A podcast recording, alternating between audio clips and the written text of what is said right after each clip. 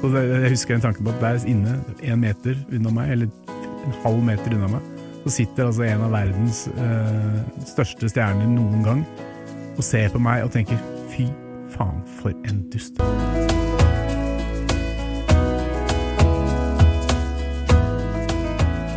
Hei, kjære Lars.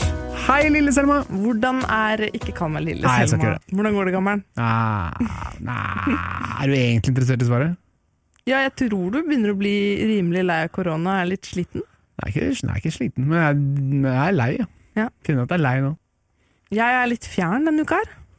Når jeg får for mye å tenke på, så blir jeg helt sånn herre Da klarer jeg ikke å tenke på noe som helst, så da er jeg litt vanskelig å få tak i og sånn. Inni «Hei, Selma, hallo, er du der? Sånn, liksom. Så Mm. ja. Men eh, ellers går det bra med meg. Takk for at du ikke spurte. Spurte jeg ikke åpning. Jeg tror ikke du gjorde det. Uh, Så da var det bare litt morsomt at jeg bare peiste på. Ja, men jeg er så vant med at du uansett bare Du trenger ikke å gi meg noe ball, jeg tar den, jeg. Ja, Ja, tar det er greit. løper, du. Du, eh, Lars, i dag så har jeg litt lyst til å snakke om de menneskene vi har sett opp til, og, og de menneskene vi ser opp til, som kanskje har noen personlighetstrekk vi ikke har, eller lever et liv vi ikke har, eller sånne ting. da. At det er kanskje de menneskene vi ender opp med å bli litt sånn ekstra At vi beundrer dem litt eh, og sånn, da. Husker du hvem du syntes var ekstra kul, eller hvem du så litt opp til som barn?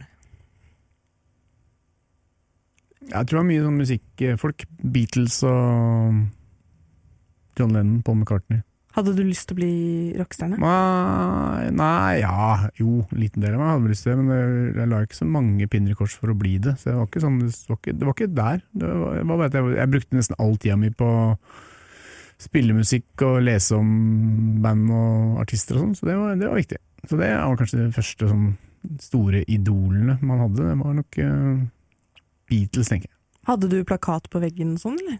Mm, ja, det hadde jeg. Jeg husker, jeg husker The White Album med Beatles, så kom det fire sånne A4-postere med i papp av liksom, The Fab Four. Og den, den, den hadde onkelen min på veggen, og jeg hadde den veggen. Mm. Onkelen min var en av liksom, mine store forbilder da jeg var liten. For han var jævlig opptatt av musikk. Og fotball.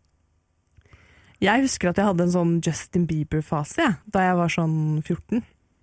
Det var liksom på det tidspunktet Justin Bieber ble oppdaga, da, og da hadde han liksom blitt oppdaga fordi han spilte liksom musikk på gata. Og fra den tida der så begynte det å manifestere seg i meg sånn Én, man må bli oppdaget på gata, noen må oppdage at du har et stort talent. Og to, det må skje innen du er 15, hvis ikke så er det for seint. Så jeg hadde sånne, jeg hadde sånne popstjerneambisjoner, og eh, uten at eh, jeg, liksom, jeg hadde Jeg skulle bli kjendis, liksom. Eh, så jeg, jeg syns liksom det var veldig stilig. Og så, og så leste jeg blogg og sånn, da. Det er en som heter Emilie Nering, som eh, fortsatt holder på, men nå holder hun på med litt sånn eh, mat og sånn. Men først da var hun egentlig den første ordentlig store bloggeren i Norge. Eh, og hun var, jeg husker ikke hvor gammel hun er, var 13-14 eller noe sånt. Og hun var, eller du? Hun. Ja.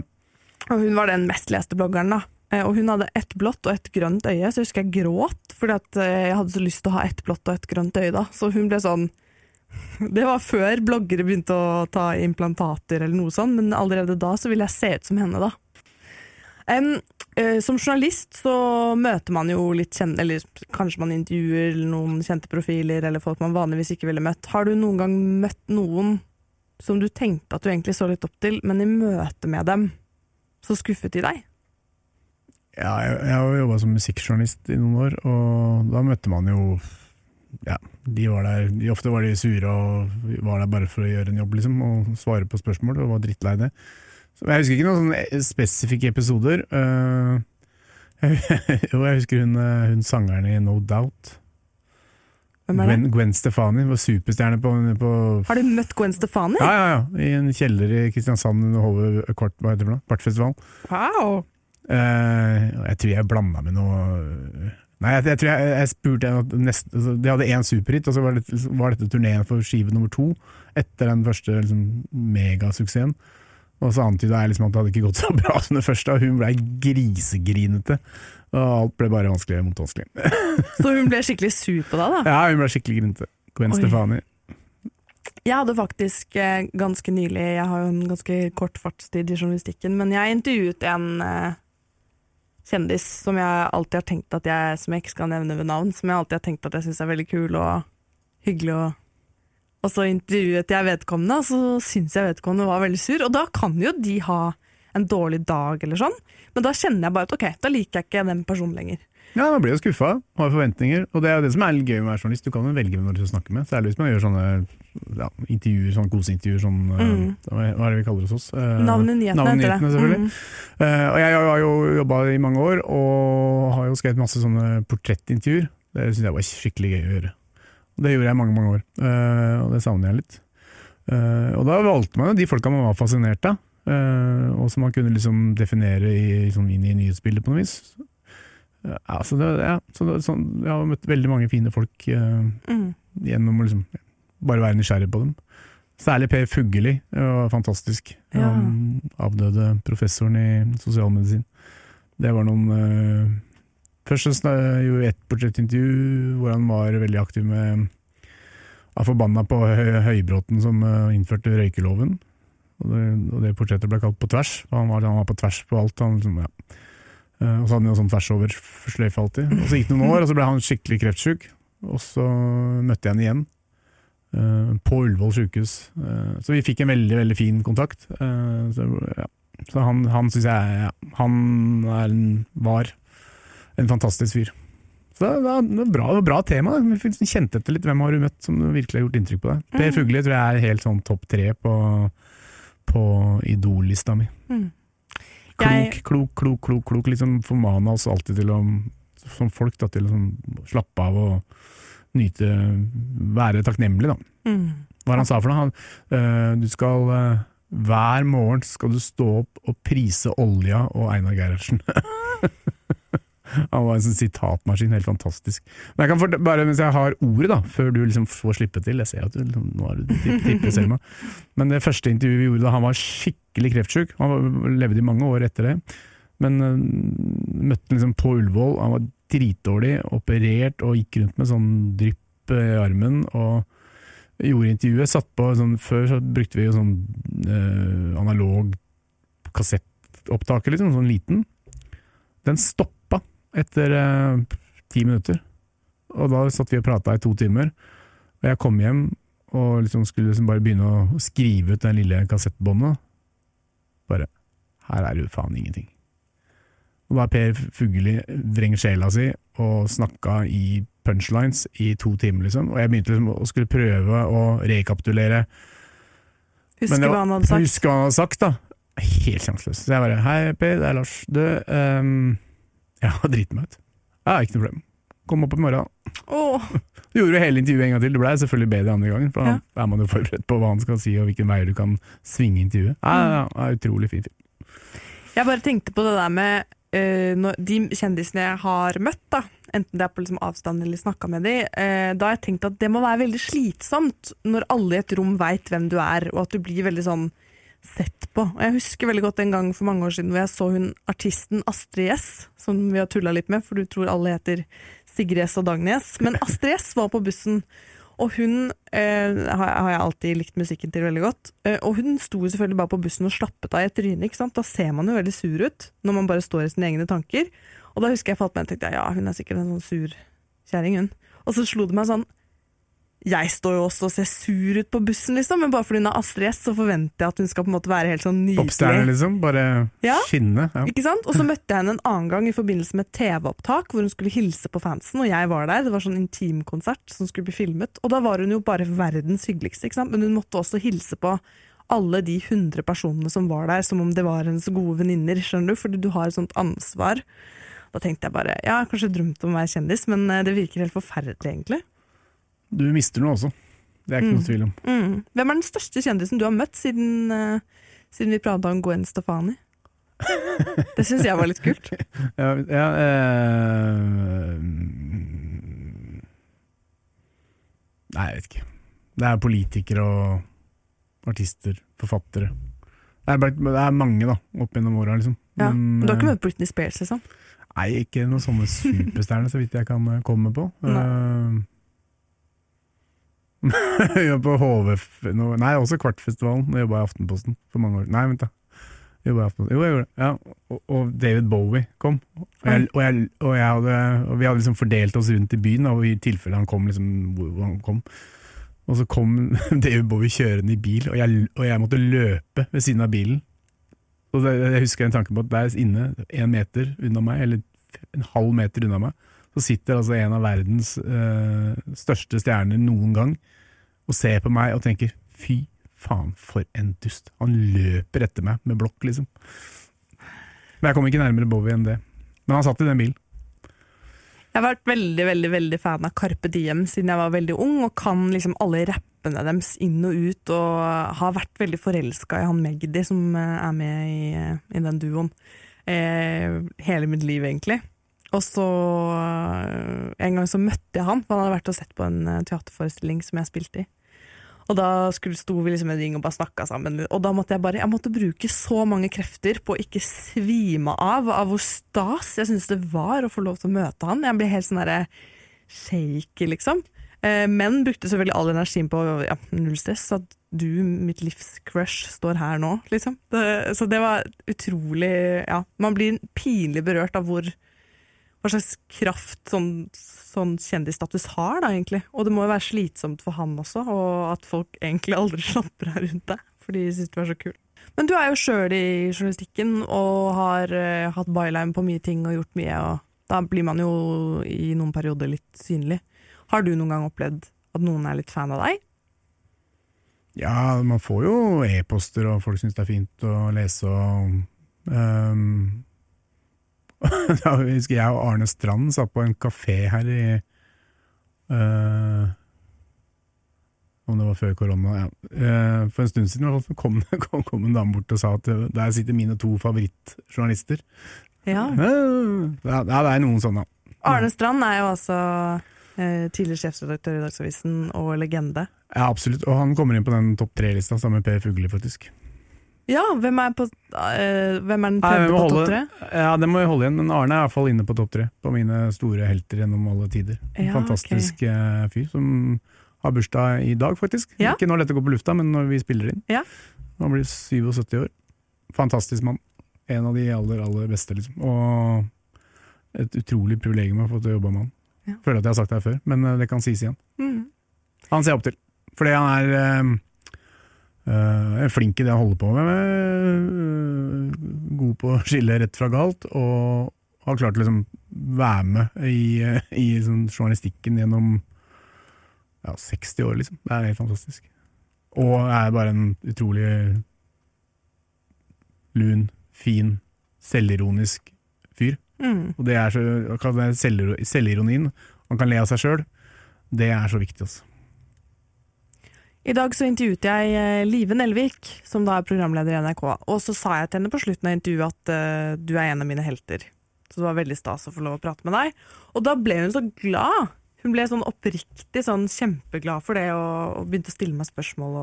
Var, det var sånn hyggelig da, at hun ikke ble sjenert, men at hun syntes det var veldig stas. Um, og da begynte jeg å tenke litt på hva er det egentlig med henne, da, for eksempel, som jeg liker. Er det sånn at hun har noen trekk som jeg ikke har? Uh, hvorfor syns jeg hun er så kul? Og da er det noen sånne åpenbare ting, da, som er at hun, sant, hun er en sånn NRK-profil som har gjort veldig mye kult. Som har liksom, hun har hatt alle de jobbene som kanskje jeg har drømt om å ha. Men også at hun personlighetsmessig, sånn som hun selv sa i det intervjuet, at hun er veldig lite nevrotisk av seg. Hun er veldig sånn avslappa og kul dame, liksom. Noe jeg ikke identifiserer meg med overhodet. da. Jeg mister jo hodet av alt. Har du flere og... kilder på det, eller? Hva da, at hun er rolig? Nei, jeg tuller. Nei, men jeg hørte eksempel en sånn personlighetstest. Det er en podkast hvor man tar sånn Big Five-test. Og det kommer også fram da, at hun er, har veldig lav på nevrotisisme. Hun er veldig lite sånne Hun er veldig lite hysterisk, og det syns jeg også kommer veldig godt fram i figuren hun gjør som programleder, og de tingene hun har gjort i journalistikken. At hun er veldig sånn hun bryr seg ikke sånn veldig Hun er liksom veldig kul og eh, positiv og morsom, og, men hun er liksom ikke sånn nevrotisk. Og det, jeg, jeg tror det er rett og slett også det at jeg misunner det. At jeg skulle ønske jeg var en kul dame på den måten. Hvis du skjønner. Du har noen år på å bli kul som Li- Live Nelvik, da. Men apropos Det har jeg. Jeg skal kanskje Nei, hun er kul, hun, tar seg, hun tar seg ikke sjøl så innmari tidlig. Nei, ikke sant? Jeg gjør jo det. ja. Jeg, eh, også, jeg var gjest i en podkast for en eh, stund siden.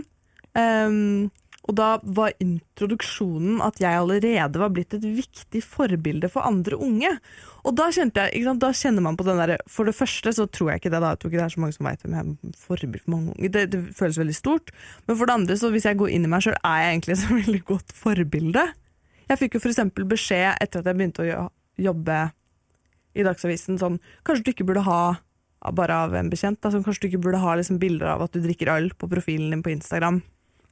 Sånne ting, da. At man liksom skulle virke liksom profesjonell og ordentlig. Og det kjente jeg at jeg gikk liksom på akkord med liksom Kan jeg ikke bare få legge ut akkurat hva jeg vil på Instagram? Da kjente jeg at jeg fikk en sånn Jeg- jeg legger ut meg. Absolutt hva jeg vil på Instagram. Men det er jo det vi sier til influenserne at de ikke kan gjøre. Selv om selvfølgelig vi skal ikke sammenligne oss med liksom eh, Sophie Elise, som har sjukt mange unge som ser opp til henne. Men må vi ikke alle ta et kollektivt ansvar for å være et godt forbilde, hvis vi skal peke på folk og si du er dårlighet? Det spørs jo hva man lever av, da, hvis man, hvis man selger seg som ehm, Hvis man selger um, imaget sitt, så bør man jo virkelig tenke på hva man, hva man selger. Da. Mm. Eh, og får man stor posisjon og stor makt, så kommer også masse ansvar. Men en av de tingene Sophie Elise for eksempel har blitt kritisert for, er jo å legge ut bilder av seg selv mye avkledd, og det problematiseres jo aller mest i forbindelse med reklame, men jeg tror vi ville reagert på det uansett, egentlig. At man liksom har veldig mange unge følgere, og så legger man ut veldig mange av bildene sine halvnaken. Men det er jo en litt spennende diskusjon, hvorfor skal man ikke kunne gjøre det? Spørs, nei, altså, det kan ikke nekte henne det. Det spørs liksom hva hun har lyst til å gjøre med, med makta si. da. Mm. Hvordan du vil påvirke ungdom. Liksom. Vil du Mm. liksom påvirke dem til å operere rumper og pupper og det som er, eller vil du påvirke dem til å gjøre noen andre bedre ting, kanskje. Ja. For meg så er det åpenbart.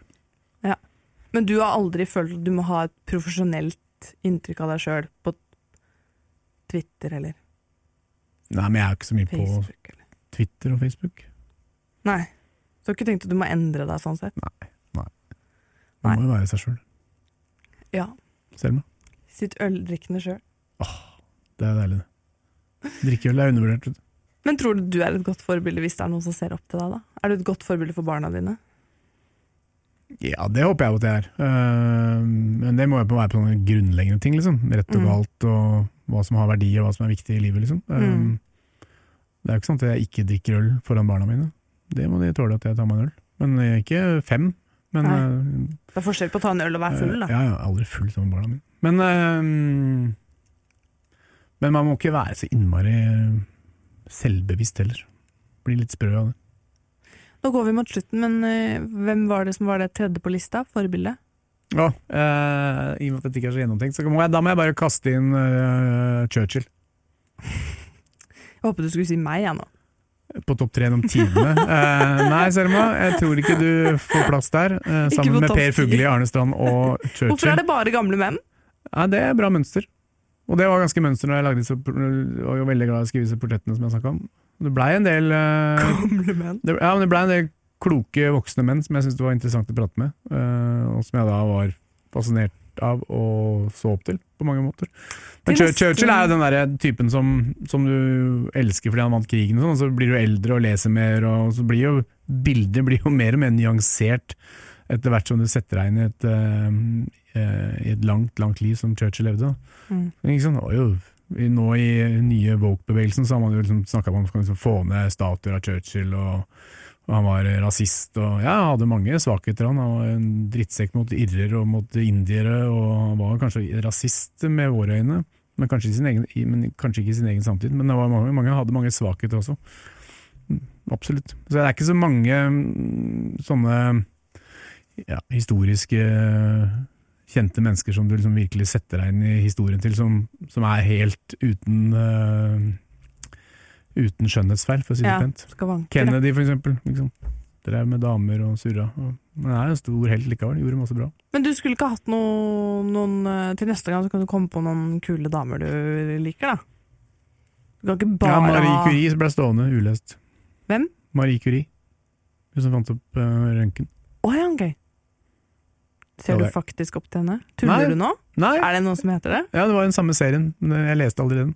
Marie Curie? Aldri hørt om. Unnskyld.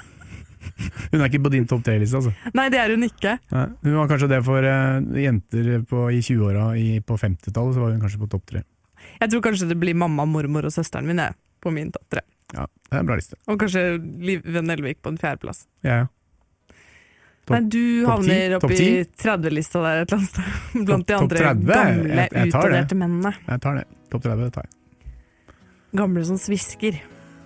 Eh, Du, vi går ut, i, ut fra dette studio, for det er så mye antibac her inne at jeg Ja, er nesten helt ikke får puste. Ja, takk for i dag, da. Takk for i dag. Lars og Selma er produsert av Radio Metro for Dagsavisen. Ny episode hver mandag.